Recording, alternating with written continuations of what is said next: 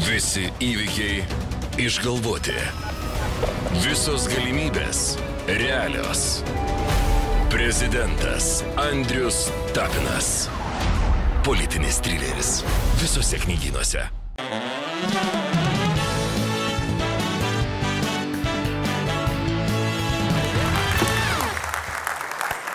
Sveiki. Sveiki, šiandien mes laikomės Kaune. Mieste, kuris jau apsisprendė, už ką balsuos prezidento rinkimuose. Vat visas miestas paėmė ir apsisprendė. Taip, tiksliau apsisprendė Visvaldas, kurios keistus veidas jau švyti rinkiminiuose plakatuose kartu su Saulėmis Kverneliu. Akilesnis žiūrovas pastebės, kad Matijo Šaitis šį kartą nelaiko nykščio pakėlęs kaip prieš Seimo rinkimus. Vadinasi, per anuos rinkimus susitranzavo valstiečius, tai jau dabar gali ir toliau važiuoti kartu. Vis tiek, ne jis vairuoja. Visvaldas dar pasakė, kad kai premjeru yra skvernelis, nereikia važinėti Vilnių ir bučiuoti žiedo ar rankos. Citata. Nu, va, tikrai nereikia. O nereikia. Yra kas pas iš Vilnius atvažiuoja ir pabučiuoja. Ir net ne į žiedą, kad paramą gautų. Ir dar gėlės perdoda, pavyzdžiui, kaip susitikime su rinkėjais. Aš jūsų prašau, perduotumėte. Dar taip nebuvo, kaip per nepadarysiu. Dar pasakykit, kad patinka, ką jis man daro, tik reikia klausyti žmonių ir, kaip sakiau, mylėti gamtą. Ačiū. Apsisprendė Visvaldas, apsisprendė ir Kaunas. Jau lab, kad skvernelis, būdamas Kaune, pažadėjo pensijas pakelti iki 400 eurų. Va. Nes būtent tokia ir yra Konstitucijos numatyta prezidento funkcija - kelt pensijas. Atvarai ryte į daukanto rūmus ir pradedi kelt pensijas. Keli, keli, keli, iki vakaro pakeli ir važiuoji turniškas. Jeigu enciklopedijai kada nors pritrūks pavyzdžio prie žodžio junginio ciniškas populizmas, tai šitas pavyzdėlis tinka idealiai. Bet Visvaldas pažadėjo, jog judesiu palaikys skvernelį ir gegužės 12 dieną mero judesiuką, ko gero, turės pakartoti visi kauniečiai. Bus toks masinis flashmobas. Ir jūs vaikai taip darykit, kaip Visvaldas daro, nu, kaip įprasta. Galbūt išskyrus šančius kurie iš viso baimę pametė ir, žinokit, protestuoja prieš visvaldybės planus nutiesti naują gatvę palei polisio zoną Nemuno pakrantėje. Visvaldai išgirsk mus, visvaldai išklausyk mus, meldžiasi merui žemųjų šančių bendruomenės su tokiais plakatais. Realiai meldžiasi merui. Žmonės, kas jums yra negerai? Ką žinau, nu su tom maldom kauniečiams gal reikia atsargiau, nes e, Biblijos skaičių knygos 14 skirsnis sako, ir ėmė bendruomenė aimanuoti, žmonės šaukė ir verkė keurą naktį, o Jehovis valdas tarė Mozei, ar ilgai šitą tautą mane niekins. Kiek dar jie netikės manim, juk matė tiek stebuklų, kuriuos padariau jų akivaizdoje. Tuoj pasiūsiu marą ir jų atsikratysiu. Tai nenustepkit žemųjų šančių bendruomenę, jeigu dar išsidirbinėsit, tai netrukus pamatysit, kaip Vilniaus Kauno magistralė taip švelniai nusisuka, apgaubė žemosius šančius iš visų pusių ir ateities plentų grįžta į savo vietą. O ko ne? Nes vis valdas kelius tiesti moka. Va praėjusią savaitę jis pasiūlė skvernelio nemalonėje esančiam susisiekimo ministrui Rokui Masiuliui atvykti į kursus Kaune, kaip tvarkyti kelius. Nu, Masiulis suabejojo, ar tikrai keliai Kaune geresni už magistralinius. Na ir čia vėl reikia kreiptis patarimo į Bibliją. O ten viskas labai aišku. Evangelija pagal Joną 14 skirsnis. Rokas jiems sako, viešpatie, mes nežinom, kur tu eini, tai kaip žinosim kelią. O visvaldas jam atsako, aš esu kelias, tiesa ir gyvenimas. Niekas nenueina pas tėvą kitaip, tik per mane. Taip kad viskas Kaune yra gerai ir dar geriau, kad kauniečiams nereikės vargti sukant galvą gegužės 12, už ką balsuoti. Viskas yra pagalvota, pasakyta ir parodyta. Na, o mes pažiūrėkime, kas dar įdomaus nutiko mūsų nenugalimo optimizmo kupinoje valstybėje praėjusią savaitę. Džiugi žinia Lietuvos futbolui ir visai jaunai mūsų demokratijai. Šalies futbolo federacijos viceprezidentu išrinktas penkis kartus teistas Henriko daktaro sūnų Enrika bagažinėje vėžinės verslininkas Arūnas Pukelis Švinius. Kai laimi visi, situacija yra vadinama win-win. Na, šiuo atveju situacija yra šwin-win. Tai tikrai džiugi žinia. Kai jau, pastebėjo internautai, jeigu futbolo rinktiniai prireiks daktaro, viceprezidentas galės greitai jį privežti. Tikrai džiugi žinia. Slaptų balsavimų už Švinių kaip viceprezidentą balsavo 60 delegatų prieš 11. Džiugi žinia yra ta, kad balsavimas buvo slaptas ir tie 11 balsavusių prieš gali būti bent kiek ramus. Nu ir Šviniui gerai. Rask dabar ant greitųjų bagažniką, kur visi 11 tilptų vienu metu. Bet ateičiai tai reikės rasti tokį didelį. Nes nacionaliniai rinktiniai tai 11 žaidėjų yra. Įsivaizduoju situaciją. Pertrauka, mūsų rinktinė kovoja su užsidegimu, viską atiduoda, nu bet nuo Luksemburgo namuose 0-3. Ir tada į Rūbinę užsuka švinius. Чтоб вы сдохли все, скоты! Ненавижу вас, уроды! Да кто так играет? 12-0, а? 12-0, придурки! Катайский, скотина! Виноват во всем! Ты у меня за все! Урод! Понял? Tai vyrai, ką darom, klausia Arūnas Pukelis. Ir vyrai supranta, kad darom, darom, nes per kitą darom akciją jie jau gali būti labai pasyvūs dalyviai. O aš tik noriu priminti seną eilę raštuką skirtą mūsų naujajam futbolo viceprezidentui Arūnui Pukeliui. Švelnus Pukelį, gal žinai, kur dingo fulės pinigai? Gal tavo saujoje švininiai? Nepyk, nevėžink bagažiniai. Sveikinu Lietuvos futbolą ir primenu federacijai, kad dugnas, dugnas turėtų būti ta vieta, nuo kurios atsispiriama, o ne į kurią rausiamasi toliau. Daugiau apie šviniaus situaciją galite pažiūrėti naujausiame laidoje Lietuvos futbolas su Nerijumi Kesminu Laisvės televizijos eteryje. Saulis Kvernelis neseniai pareiškė, kad antipatiją jam reiškintis žurnalistai negali jo kalbinti. Nu, viskas, mūsų kandipravimui jau važiuoja stogas. Perfrazuojant pop klasiką, visai jau dušta laivas, nebet laiko bortai. Štai kokią žinutę skvernelis siunčia mūsų šalies žiniasklaidai. Kas mane geriausiai pagirs? Ką? Tas gaus saldų saldainį. Panašu, kad kalbinti premjero nebegalės ir Kauno Žalgirio fanai. Rungtinių metų nušvilpę pranešėjai reiškusi padėką skverneliui už 20 metų senumo premiją, kurią kandipravimas visai atsitiktinai sugalvojo išmokėti prieš pat rinkimus. Baltarusiai pagaliau oficialiai atsakė, ką galvoja apie skvernelio planą huliganą dėl Astravo jėgainę paversti dujinę elektrinę. Po pusantro mėnesio atsakyti pagaliau teikėsi Baltarusijos premjeras Sergejus Rumasas, kuris realiai toje šalyje turi tiek pat galių, kiek, na, pavyzdžiui, mūsų šalyje turi Seimo pirmininkas Pranskėtis. O viens prie vieno. Spėkit, koks atsakymas, tai aišku, toks, kokį mes jau visi žinojom. Pasiūlymas nėra tikslingas techniškai, ekonomiškai, Baltarusija iki šiol 95 procentus elektros gamino dujom, tai nafik dar didinti. Žodžiu, aš manau, kad nebešnekės skvernelis ir su Baltarusiais, nes jie jam antipatiją jaučia. Savaitgalį vyko Lietuvos Sotsdemų partijos, tos kur Palutsko naujo pirmininko rinkimai. Naujojų pirmininkų netikėta išrinktas dabartinis Palutskas. Ir balsų surinko tiek, kad net Baltarusijoje nebūtų gėda, o ten šnekėtų, nes surinko 90 procentų. Vat stipru. 90 procentų net ir, net ir labiausiai užkėtėjusiems Sotsdemams, net ir Bratauskui jau yra stipru.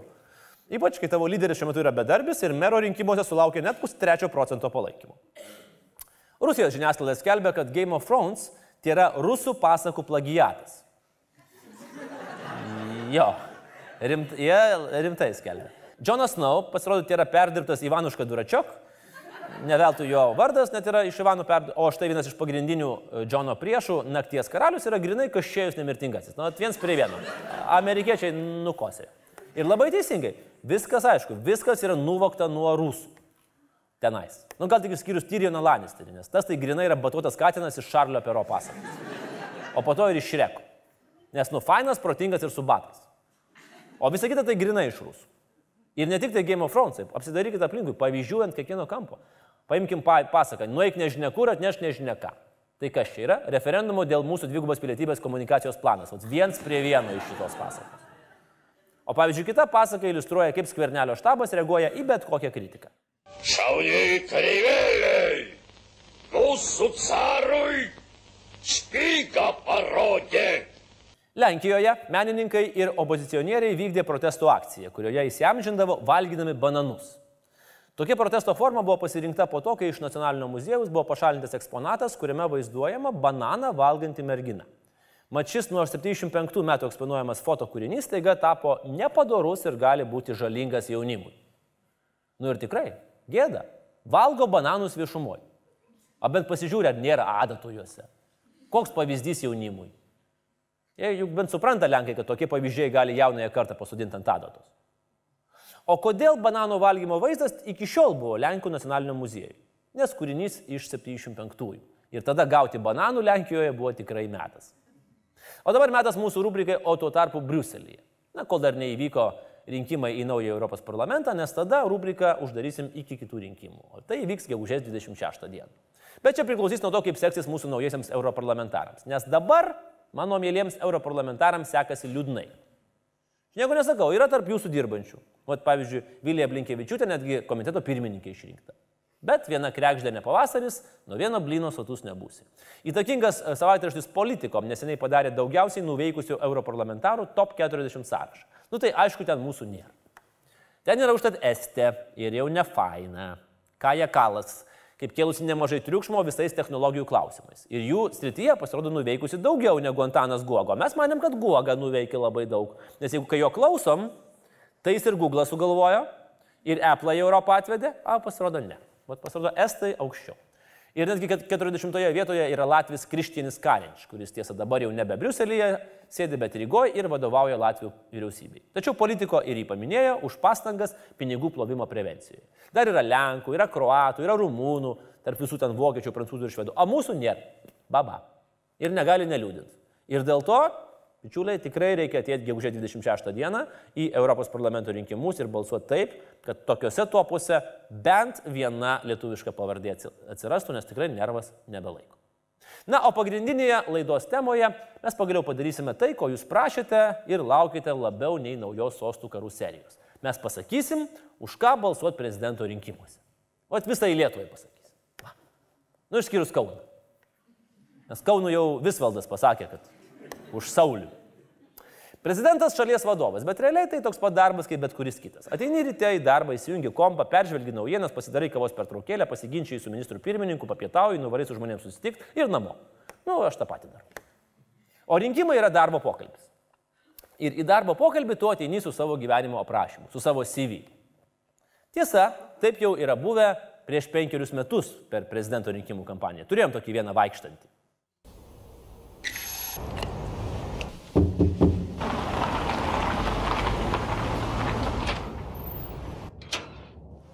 Sveiki, Labadiena. esu Zygmantas Balčytis, kandidatas į Lietuvos Respublikos prezidentus. Atėjau į darbo pokalbį.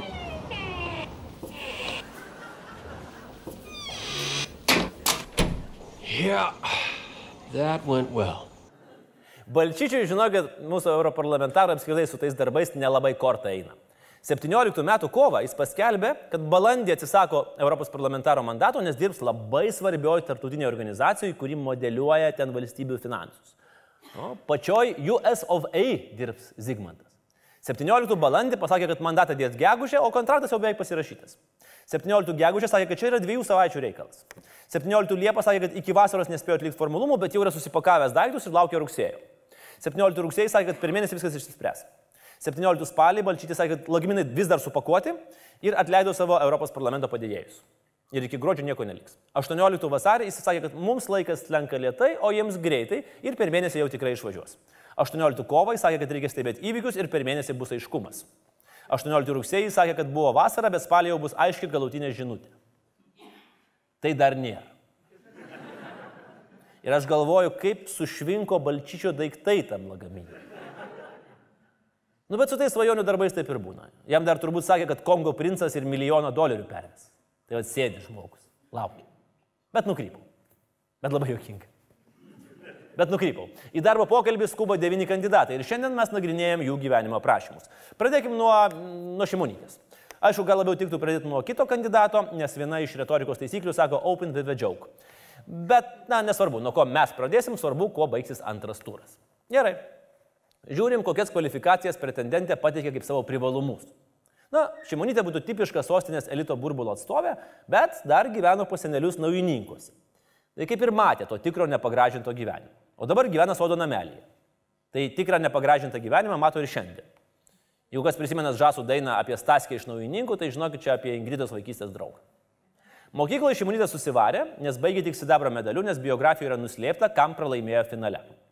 Nu, kaip įprasta sportininkams, dėl sidabro kaltina kitus. Jį konkrečiai Vaižgantą ir jo dėdės ir dėdienės, nes rašinyje gavo ketvirtą. Akivaizdžiai pragėdruliai filologijoje Ingridai nešvietė, tai pasuko į ekonomiką. Baigė mokslus ir po to širai varė finansų ministerijoje. Kilo, kilo, kilo karjeros laiptais, kol atėjo devintaisiais metais Kubilius ir sako, Ingridėlė, turiu planą huliganą. Einam žmonių pensijų vokt. Tu vok, o aš turėsiu ant šukerio. Ir jeigu kas prisikabint, tai sakysim, kad krizė kalta. O toks planas huliganas. Va tokia ją paprastas žmogus ir prisimena. Tokia Blinkevičiūtė, tik su minuso ženklu. Ingrida sukosi ir Lietuvos banko valdyboje, kas ją automatiškai priskiria prie Jekeliūno labiausiai nekenčiamų žmonių. Ir čia jau pliusas. Kadangi nuo seno žinoma, kad jeigu Jekeliūnas kažko nemėgsta, vadinasi viskas su tuo žmogumi yra gerai. It is known. 16 į Seimą pateko pirmame turė nunešusi ant akalnio vienmandatę ir tada atsirado konservatorių frakcijoje, nors nėra partijos nariai. Čia va tokie prieštaringi jausmai yra. Kadangi žmogus turintis kažką bendro su konservatoriais į naują darbo vietą atsineša ne tik Gabrieliaus kvapą, bet ir daug heito. Nu tikrai daug heito. Tūkstančių, tūkstančius milijonų heitų. Pretendentė gyrėsi, kad moka siūti kryželiu ir netgi ryšti pelėdas makrame technika. Nu čia toks retesnis privalumas, kadangi nu užmušk neįsivaizduoju, kaip prezidentai gali praversti tokią pelėdų ryšimo techniką. Buvau tikras, kad kandidatė moka čekiškai, bet pasirodo nemoka. Nemoka šveiko kalbos. O taip. Kalba lenkiškai, angliškai, rusiškai, netgi švediškai šiek tiek kalba, o čekiškai nibumbu. Ingrida sugebėjo daugiausiai atmušti pinigo be jokios partinės pagalbos. 103 tūkstančių saukojo pavieniai žmonės. Nu, matyt, tie, kurie dar ne pensijoje ir jiems dzin, kad Ana pensijas nurėžė. Nu, dar konservatoriai kažkiek perves, tai matyt, bus dar iš ko agituoti per paskutinę savaitę. Kodėl šimonytė būtų gerai? Nes po dešimties metų dauganto aikštėje atsirastų tai, ko seniai ten nebuvo. Humoro jausmas. Nes nebūtų gėda prieš užsienį. Na ir su privaloma lietuvių literatūros programa būtų susidarota, kas išlaisvintų jaunimo protus ir sumažintų emigraciją. Kodėl šimonytė būtų blogai? Nes realiai ji niekada nesiveržė tą prezidentę. Eina iš bėdos, nes abu Landsbergiai pakaitom gulėjo prie jos durų kilimėlio ir prašė, prašė, prašė, o senelio amžius toks, kad skersvė jam kenkia. Ir konfliktas su antruoju šalies asmeniu Saulium ir pirmuoju šalies asmeniu Ramūnu būtų užprogramuotas iki 20 metų spalio. Na bet būtų įdomu. Nu tai galit bandyti. Jeigu šimonytė būtų filmas, būtų pavyzdžiui bado žaidynės. Nes pasisiūlė tik tada, kai pamatė, kad bus blogai, bet jeigu jau reikės dirbti, tai dirbs, kad liktų tik jinai viena. Jeigu šimonytė būtų muzikos grupė, būtų metalika, nes jeigu jau ko įmasi, tai tikrai nothing else matters. Jeigu šimonytė būtų žaidimas, būtų eilės, nes jai teks ilgai ir nuobodžiai skirtingais būdais aiškinti viską, kol aplink ją esantis politikai pagaliau supras iš septinto karto. Antras aplikantas į darbą iš pajūrio. Ir ne šiaip savo iš pajūrio, o netgi dainavęs moksleivių chore gintarėlis. Čia dvigubas pajūris. Gitanas Nausėda, kurį pikti liežuviai vadina gitarų ir fake news. Gitanas irgi ekonomistas ir netgi mokslų daktaras. Tik tai savo gyvenimo pradžioje buvo labai nepastovus. Kaitaliojo darbus kasmet. Pradžioje aspirantas univerė, tada žiūrėk jau dirba ekonomikos institutė, tada jau skiriaus viršininkas kainų ir konkurencijos tarnyboje. Ir visur, vad, padirba, padirba ir kelia sparnus. Na, nu, tada truputį apsiramino, įsidarbino Lietuvos bankė, vėl signalas į keliūnui ir arė nepakeldamas galvos šešerius metus. O tada padarė tai, kas jie keliūno požiūrį yra dar baisesnė išdavystė. Iš Lietuvos banko, kas savaime yra blogis, nueina dirbti į SEBA. Taigi priklauso skandinavams, kas yra mega blogis. Skandinavų bankai yra antras didžiausias blogis Lietuvoje. Didžiausias blogis yra Lasdyjose, kur vyks nauja pokalbių laida ir laisva kalbins Radži, Gros Dambrauskaitė, o Šilanskas pasakos anegdotus. Ir baisiausia, kad bilietų jau yra beveik nelikę. Gitanas mėgsta futbolą, o futbolė Portugalijos rinktinė. Ir reikia pasakyti teisybės dėlį, kad jis nėra Glory Hunteris ir sirgo už ją anksčiau, nei tie tapo Europos čempionais ir netgi galbūt anksčiau nei gimė Cristiano Ronaldo. Dar Gitanas turi labai gražų stiklinį namą pačiame saugomo parko viduryje, kas įrodo, jog žmogus gali patarti ne tik makroekonomikos, bet ir mikro reikalų tvarkymo klausimais. Pats namas atrodo kaip 3 litrų sloikas nuo marinuoto agurkų. Tik didesnis ir be agurkų. Nu ir kvadratinis. Nu kaip akvariumas be žuvyčių. Arba kaip šiltnamis be pomidorų. O Gitanas susinervina kiekvieną kartą paklaustas apie namą. Pavilnių regioninio parko vadovai irgi susinervina kiekvieną kartą paklausti apie namą. Tai negali sakyti, kad jie neturi nieko bendro tarpusavyje. Užtat užlipus ant pučkorių ant odangos, informacinėje lentelėje apie Gitano namą parašyta, kad jo buvimas pripažintas teismo keliu. Labai realu, kad ir pergalės atveju ir daug ant rūmų lauktų modernus architektūrinis sprendimas. Kauniečiai jau įsivaizduoja, kaip tai atrodytų.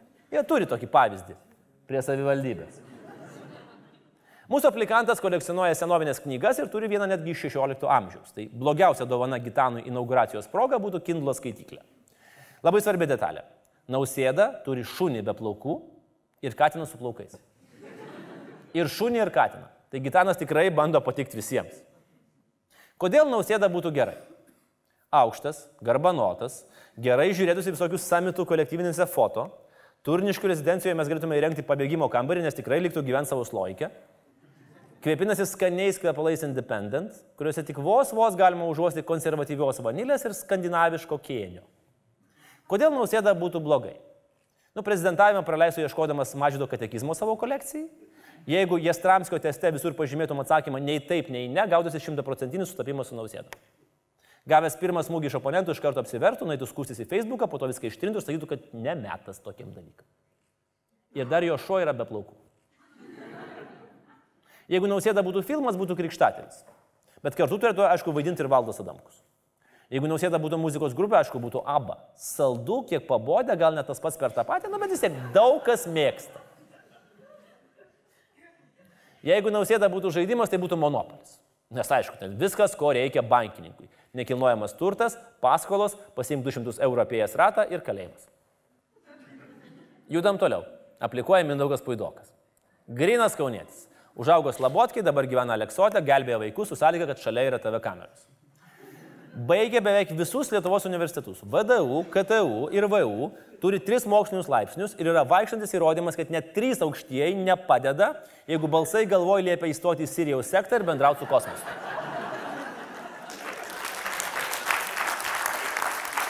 Laisvai kalba anglų ir rusų kalbomis, supranta prancūzų ir lenkų kalbas. Man visada įdomu, ką reiškia tas supranta prancūzų ir lenkų kalbas. Ar jis supranta, ką Makronas šneka, bet ne, atsakyti negalėtų? Ar tiesiog išgirdęs kalbą supranta, kad čia prancūzų, o ne mongolų? Žmona Indrė, du sūnus, Margeris Mykolas, vienam pusantrų, kitam septyneri, graži šeima, krikštavimui rūmose tinkami. Politikoje, kaip kūdikėlis Jėzus sėdėjo ant ramūno pečių, kol suprato, kad lydamas ant vaikučių pečių, tu gali užsikabaroti šiek tiek aukščiau. Be kovos už teisę proporcingai lūpti vaikus, dar yra organizavęs Marcinkievičiaus poezijos skaitimus, konsultavęs Žemaitijos kaimus ir teisėjavęs krepšinio lygos. Nu va, čia rimta patirtis. Ir rodo kandidato stuburą. Juk labiau nekenčiami žmonės už krepšinio teisėjus yra tik tie kontrolieriai, kur baudas už parkingą užrašinėja ir kiša už valytų. Ir vis dėlto, prezidento postas - rimčiausias darbas valstybėje. Kodėl Mindaugas jo siekia? Nes jis yra įsitikinęs, kad centro kairės elektoratas neturi telkinčio kandidato. Ir ėmėsi šio nedėkingo darbo pats. Apklausos rodo, kad jau net virš 1 procentų sutelkė. Žodžiu, reikia viską sutvarkyti. Ir kandidatuoti į prezidento postą jį paskatino matymas, kad valdančioji dauguma tampa valdančiaja mažuma. Dar jam yra svarbu šeima kad jis svarbiausia nebūtų sudaryta iš homoseksualų. Pasirodo, ponas Puidokas dar turi begalę hobių. Myli krepšinį ir žalkį, mėgsta skaityti, sveikai gyventi, domisi baltų kultūrą, senovės istoriją, ekologiją, biologinę mediciną, hermeneutiką, tarptautiniuose santykiuose ir civilizacijų raidoje. Dar užsiminėja jodinėjimu ir žaidžia lauko tenisą. Toks 21 amžiaus vytis.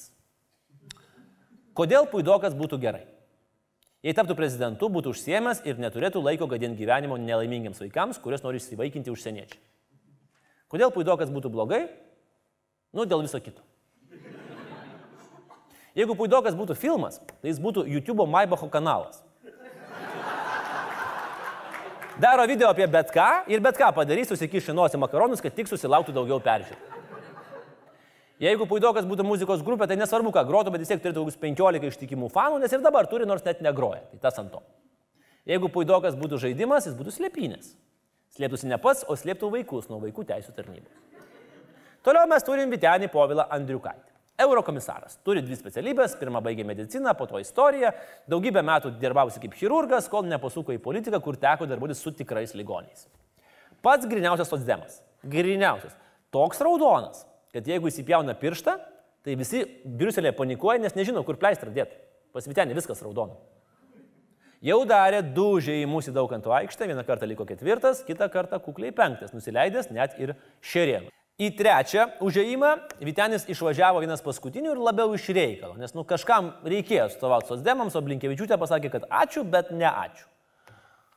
Nu, jeigu labai reikia, tai gal galiu, sumurmėjo Andriukaitis ir išėjo nelaimėti. Kandidatas iš reikalo būtų ir prezidentu iš reikalo. Nu, ekscelencija Andriukaitė, reikia pasirinkėjus važiuoti. Nu, jeigu reikia, tai galiu. Nu. Prezidentė reikia šalį ginti. Nu, jeigu reikia, tai galiu. Antroje kampanijos pusėje pradėjo gan sparčiai augintis reitingą ir dabar apklausose yra ketvirtoje vietoje, bet panašu, kad viskas yra per vėlai, kad bent jau galėtų svajoti apie antrą turą. Kodėl Andriukaitis būtų gerai?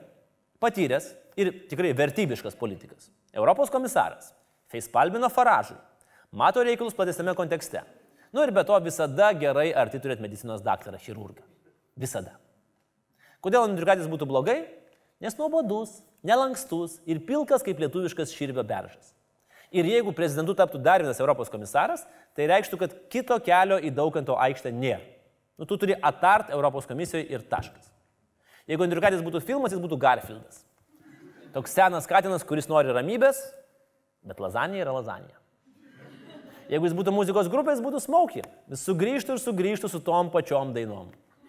Jeigu būtų žaidimas, būtų smiginis. Tai, kai mėtai, mėtai strelitės, bet į centrą bulzai niekada nepataikė. Kitas, kitas, kas čia toks pas mus, gybus Naglis Puteikis. Gimė Vilniuje, bet labiau žinomas kaip Klaipėdėlis kažkodėl. Istorikas, paminklosaugininkas, Seimo narys, bet labiausiai žinomas kaip politikas, kuris amžinai neturi babkių. Nu dabar kiek atsigavo. Kai Guoga pasigyrė jį sutvarkęs. Ir jau, žinokit, jau visai atrodo kandidatiškai, o ne kaip dvi valandas niurkitas delfinų ir jūrų liūtų, kaip jis atrodė anksčiau. Geriausias darbas, ir čia rimtai Nagliui turime padėkoti už apgintus Kernavės piliakalnius. Nes jo karjera paminklosauguje prasidėjo, kai jis pamatė, kaip naglai elgėsi sovietinė valdžia, ardama mūsų pirmąją istorinę sostinę ir labai naglai pradėjo ją ginti.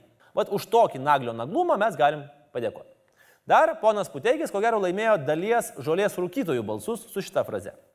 Aš esu vienintelis turbūt iš esančių labai daug rūkęs kanapės, kada buvau sovietiniai kariuomeniai paimtas per prievartą iš studento suolo kartu su savo kursiokais. Vienintelis, kuris labai daug yra rūkęs kanapės. Bet vis dėlto jis pats yra prieš legalizavimą ir pasisako už rūkytojų baudimą. Naglio kelionė į prezidento postą primena indišką muilo operą, kurioje ir meilės, ir neapykantos, ir pykčio, ir melo, ir kovoje kritusių bendražygių, ir naujų draugų. Naglis susipyko su Puidoku, susipyko su savo partijos nariais. Partijos nariai metė jį iš partijos, jis iš partijos metė juos. Nu, žodžiu, kai iš namų išeina moteris, ateina tarakonai. Kai iš partijos išeina žmonės, ateina guoga. Kodėl Puteikis būtų gerai? Nu, jeigu Puteikis taptų prezidentu, tai prezidentu netaptų Puidokas. At jau gerai. Kodėl Puteikis būtų blogai? Nes mes taptume pirmąją šalim pasaulyje, kuri valstybinių lygmenių ima greitosius kreditus iš babutės paskolos. Na, jeigu kurtume filmą apie Naglio gyvenimą, tai aišku, gautųsi toks paminklosauginis indiškas filmas. Toks indiškas Indiana Jones. Nu, va toks, pavyzdžiui.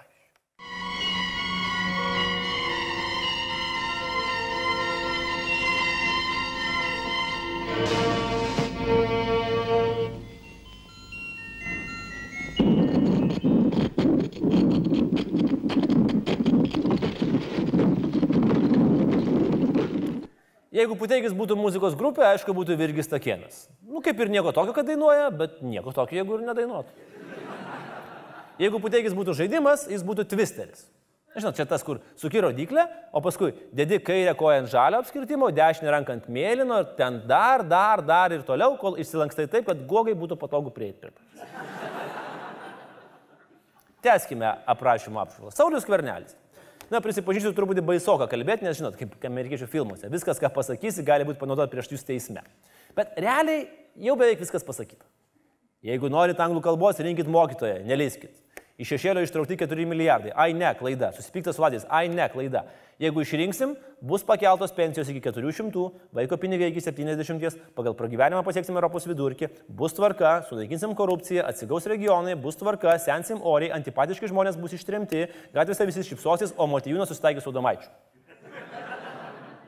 Baigęs premjerauti, jis patampa kandidatu ir per valandą iš Vilnius atsiduria Klaipėdoje, save vadina paprasto žmogaus kandidatu, bet visos babkės rinkimų kampanijai 300 tūkstančių eurų atėjo iš Ramūno kišenės. Reitinguose trečias, trečias. Bet dalina pažadus kaip Lebronas, dovanoja gėlės kaip Visvaldas, valgo spurgas kaip Homeris ir labai realu, kad antrajame ture Ingridai arba Gitanui gali tekti taip pokšti ir pasislinkti. Kodėl skvernelis būtų gerai kaip prezidentas? Nes tada mes tikrai turėtume naują premjerą, kuris galbūt neižydinėtų mokytojų, medikų, latvių, neskirstytų žurnalistų į gerus ir blogus, nemeluotų, kad kalba angliškai ir netrintų įrašus. Taip pat mes galėtume išbandyti, kaip veikia valstybė, kai visi trys jos aukščiausi vadovai yra priklausomi nuo kultūros komiteto pirmininko. Kodėl skvernelis būtų blogai? Na, jeigu jis taps prezidentu, jis negalės įgyvendinti savo plano Lietuvai. Tai dar kartą. Pensijų ir vaiko pinigų kelimas priklauso nuo vyriausybės valios ir finansinės šalies būklės, ne nuo prezidento. Čia toks liūdnesnis. Na ir žinoma, dar bus gėda ir nerimas, didelis nerimas, kiekvieną kartą, kai jis skirs Lietuvos Respublikos sieną į aną pusę. Jeigu skvernelis būtų filmas, tai būtų purvini šokiai. Purvinų šokių partneris Ramūnas Karbauskis. Jeigu skvernelis būtų muzikos grupė, tai būtų tas bičias, kuris dainuoja Ai, zwei, policai, drei, vier, brigadir ir paskui visiems gyrėsi, kad vokiškai kalba. Jeigu skvernelis būtų žaidimas, būtų senas geras aprenkanutė, kur gali keisti popierinius drabužėlius iš popieriaus iškirtai lėliai. Nes tą žaidimą dabar skvernelis žaidžia kasdien. Iki penkių apsirengęs premjeru, o po penkių kandidatų. Valentinas Mazuronis. Valentinas Mazuronis. Nepaisant to, kad mes apsikeitėm su juo doleriais ir realiai tapom vieninteliais jo rinkimų kampanijos rėmėjais, taip, pasižiūrėkit, mes esame vieninteliai, kurie paremė Valentiną Mazuronį. Tai čia yra vis dėlto tas variantas, kai supranti, jog pinigus išmetė į balą. Ai, bet kartais smagu paišlaidauti ir tų babkių. Jeigu atvirai, tai rašydami, žinokit, mes vos jo nepamiršom. Rimtai. Buvo, nu tikrai, va, liko valanda iki scenarijaus. A, kur Mazuronis? Neparašė Mazuronio. Tai aš manau, kad panašiai jausis ir rinkėjas įmetęs biuletinį. Oi, tai palauk, tai Mazuronis dar buvo. Buvo, buvo, buvo. Netgi 0,6 procentų reitingą turėjo. Gera žinia yra ta, kad lažybų punktė pastatęs už Valentino pergalę 4000 eurų, laimėtum 100 tūkstančių. Ne, ne 100. Ha, milijoną eurų laimėtum. Bloga žinia yra ta, kad nelaimėsi ir turėsi 4000 eurų mažiau. Nu ir dar tu durnas. Kodėl Mazuronis būtų gerai?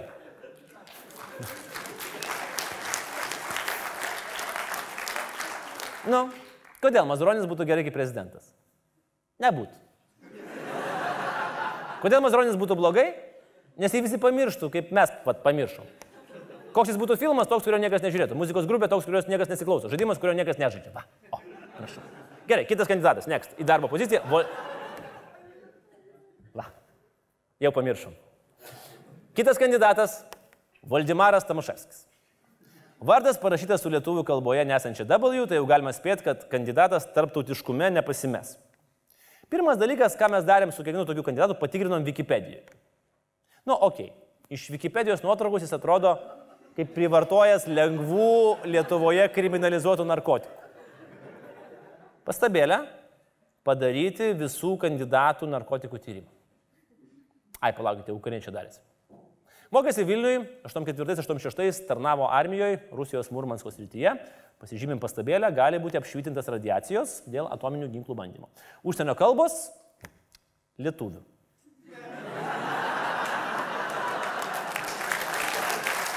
Ką? Nu, lietuvių. Ir rusų. 94 metais dalyvauja steigiant Lietuvos Lenkų rinkimų akciją, nuo 99 metų jai vadovauja, vadinasi, dirba ilgai, nuosekliai, nuo pastovumas yra didelė vertybė. Geriausias darbas nuveiktas dirbo Lietuvos Lenkų labui. Nu negali nesutikti. Tikrai, nu tikrai dirbęs. Kitas didelis darbas - stengiasi į madą gražinti juodos ir oranžinės spalvų derinį. Pajamos savo darbo pokalbį surinko lygiai 10 tūkstančių kampanijai iš lygiai vieno aukotojo. Nepatikėsit, bet 10 tūkstančių paukojo jo vadovaujama Lietuvos Lenkų rinkimų akcija. Ką galima padaryti už 10 tūkstančių? Nu, pažiūrim. CO2 išmetimas, tai apgaudinėjimas e, savęs, tai, tai, tai Europa labai e, mažai teršia aplinką, o Kinija, JAV, kuri nepalaiko būtent šito pribojimo, tai jie pusę, pusę CO2 ir, ir, išmeta. Nu, nesvarbu, ką tu gali nusipirkti, mes matom, ko negali nusipirkti. Lietuvių kalbos mokėjimo - CO2. Nu, šiaip, mes čia dabar dėl tos anglų skvernelį tarkuojam. O šiaip iš tikrųjų norėtųsi, kad Lietuvos prezidentas lietuviškai mokėtų kalbėti. Nu, bardzo penknė būtų Valdimarui. Na, klausimas dar, kokia gyvenimo politika jūs vadovauja. Žiūrima, žmogus yra tikintis, taip yra jau įrodyta, buvo tokia apklausa padaryta Amerikoje, McDowello, kad e, žmogus, kuris e, gyvena pagal šventą raštą, dešimt kartų yra linkęs mažiau nusižudyti, penkis kart mažiau e, nuskriaus kitą žmogų ir keturis kart mažiau vokti. Kodėl Tomaševskis būtų gerai? Nu, gal pagaliau įsigautų Vilniaus regionas, nes nu kiek galima ten kentėti. Antra vertus, kai tiek laiko prasidėrini Briuselėje, gal ten kažkiek kažko apie užsienio politiką ir prisigaudai. Kodėl Tomaševskis būtų blogai? Nes šalies vadovas ir vyriausiasis mūsų kariuomenės vadas būtų lietuviškai nelabai mokantis kalbėti, koloradinės juostelės mylintis Lordas Voldemortas. Va tai tiek. Jeigu Tamaševskis būtų filmas, jis būtų dviguba W. Dviguba vendeta. Jeigu Tamaševskis būtų muzikos grupė, tai būtų grupė apie pavadinimą, kuri groja pagal užsakymus, vestuvėse ir jubiliejose, bet tik Vilniaus krašte. Jeigu Tamaševskis būtų žaidimas, jis būtų Alibaba kamų sluga. Ir bėgiotų tarp Briuselio ir Kremliaus. Ir paskutinis kandidatas - Arvidas Juzaitis. Sajudėtis, ekonomistas, filosofas, olimpietis, rašytojas, mokslo daktaras. Na, akivaizdu, kad devynė matai, dešimtas badas, nes pragyvena iš olimpiečio rentos ir neleidžia žmonai dirbti. Nelabai sugeba apsispręsti, kas jis toks yra. Žiūri motivacinį laišką. Kaip ponas Arvidas nori mūsų įkalbėti, už jį balsuoti ir suteikti darbą. Na, jis kalba daug visokiausių dalykų apie tai, kaip šalis skaudžiai paveikia neoliberalusis globalizmas, apie tai, kaip reikia nacionalinės valstybės, kaip reikia remti laimės ekonomiką. Nu, žodžiu, niekam neįdomu, niekas neklauso. Absoliučiai. Tada Jozaitis pyksta, kad niekam neįdomu ir niekas neklauso, ir tada padaro fintą. Op, ir išeina iš nacionalinių transliuotojų debatų. Tai gerai pasityčiojimas, dalyvauti. Aš negaliu, aš olimpiniam komitete vadovavau 13 metų. Ačiū, Pilnom- ponė Jozaitė, Palaukit, jūsų laikas ir baigėsi. Nesvarbu, Na, ką, ir kur jūs išeisit. Ir Taisyklės išeisiu, yra visiems bendros. Nėra prasmės, čia yra kardabaletas. Keturiems yra kardabaletas paruoštas. Jūs ateinat Mes čia pas mane? Prie keturių šok dar turim keli. Nu tai, Klausykit, aš atsimenu, Bet kad dar prieš jūs garbės kandidatu į prezidentus, panorama apie jūs parodė reportažą. Tik. O jūs vis tiek nepatenkintas ir Nu, kitus klausykit, vadinat bežionėm. Tai galima pasukti taip iš užpakalio. Gerbiamas, nepasiduokit, Ne, ne, ne. Man čia, čia vat, bočių, bočių tokia yra sąjunga. Šiandien Pone mitingavo bet vis dėlto Prašė tvarkos. įduoti. Prašė įduoti. Arba jūs sugrįžtat į savo vietą, arba jūs tikrai einat. nenumarintumėt pensininkus. sakė. Pone Jozaitė, arba jūs sugrįžtat, arba Ne, jūs išeinat. išeinu. Laimingai, laimingai. Ten kelias. O dabar visiems įdomu, visi klauso. A, bet nebeliko eterio. Va, paradoksas. Pyksta, kad negauna eterio, todėl išeina iš tiesioginio eterio. Tai dabar Jozaitis prie LRT darys alternatyvius debatus nuo bačkos. Jozaitis skundžiasi, kad jam per mažai rodoma dėmesio. O dyva, suprantat, per mažai dėmesio. O čia jau pavojus signalas. Pavojus. Įsivaizduokit, išsirenkam prezidentu Arvidą Jozaitį. Jis nuvyksta į kokią nors kon- konferenciją, ten malasi, malasi, malasi, kažką peza apie nacionalinę Lietuvą, grįžęs skundžiasi, kad jį rodė dvigubai trumpiau negu Trumpą, kuris rodė pirštą kokiam nors Kim Jong-unui. Ir jeigu rimtai, tai kropelė tiesos Arvido Jozaičio žodžiuose yra. Na, tikrai, apie jį tiek nešneka žiniasklaida ir Facebookas. Nu, tiesiog nešneka. O kas laimi? Ne, nenausėda, dėl kurio taip skauda ponui Arvidui, ir ne Šimonytė. Per visus galus, per visas žiniasklaidos priemonės daugiausiai info eina apie dabartinį premjerą, kuris tik nuo 17 val. kasdien tampa kandidatu į prezidentus. Tiesa, pasak medija kanalus tyriančio mediaskopo, Jozaitis vienoje vietoje lenkia ir skvernelį, ir nausėdą, ir visus kitus kandidatus. Komentaruose.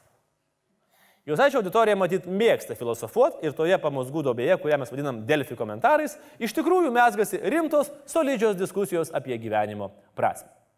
Jeigu Arvidas Jozaitis būtų filmas, jis nebūtų filmas. Jis būtų Lietuvos legenda, Tadas Blinda. Kietas, visada už lietuvius, tiesioginiam eterį gali parodyti špygą taukuotą, na, bet vis tiek baigia prastai. Jeigu Jozaitis būtų muzikos grupė, tai jis nebūtų muzikos grupė, jis būtų muzikos žanras, folklorinis gangsta bliuzas. Jeigu Jozaitis būtų žaidimas, jis nebūtų žaidimas. Čia žmonos pareiga su vaikai žais, kol vyras Lietuvą kūrė. Jozaitis galėtų būti Lietuvos prezidentas. Nes kaip pažiūrės, tikrai, žmogus myli Lietuvą. Sąjūdis žmogaus širdį vis dar gyvas. Puiku. Kodėl Jozaitis būtų blogai? Nu, negalėtų jis būti prezidentu, nes, nu, kas, o kas mums gali pažadėti, kad kokio nors tarptautinio samito vidurys neatsistos ir neišeis, kaip išėjo iš LRT debatų. Ir vad nebežinom už ką balsuoti. Bet ką mes čia būrėm iš tų gyvenimo prašymų? Visi sporto renginių organizatoriai seniai žino, kad tiksliai nuspėti nugalėtoje gali tik gyvūnai orakulai. Ir specialioji laikykitės ten korespondentė Sigutė keliauja į mini zoologijos sodą. Sveiki, su jumis ir vėl specialioji korespondentė Sigutė. Šiandien liko lygiai septynios dienos iki Lietuvos Respublikos prezidento rinkimų. Įtampa kyla, turime devynis kandidatus, na, o mes tuo tarpu nusprendėme išsiaiškinti iš gyvuliukų orakulų, kas ir laimės šios prezidentų rinkimus. Taigi keliaujame paklausti gyvuliukų, sveiki, jūs buvot pas gyvuliukų, ar ne? Rušis Kazimiras išrinks savo manimu, kas laimės prezidento rinkimus. Kazimirai, pasiruošęs? Žiūrėjom. Ir Kazimiras eina, renkasi.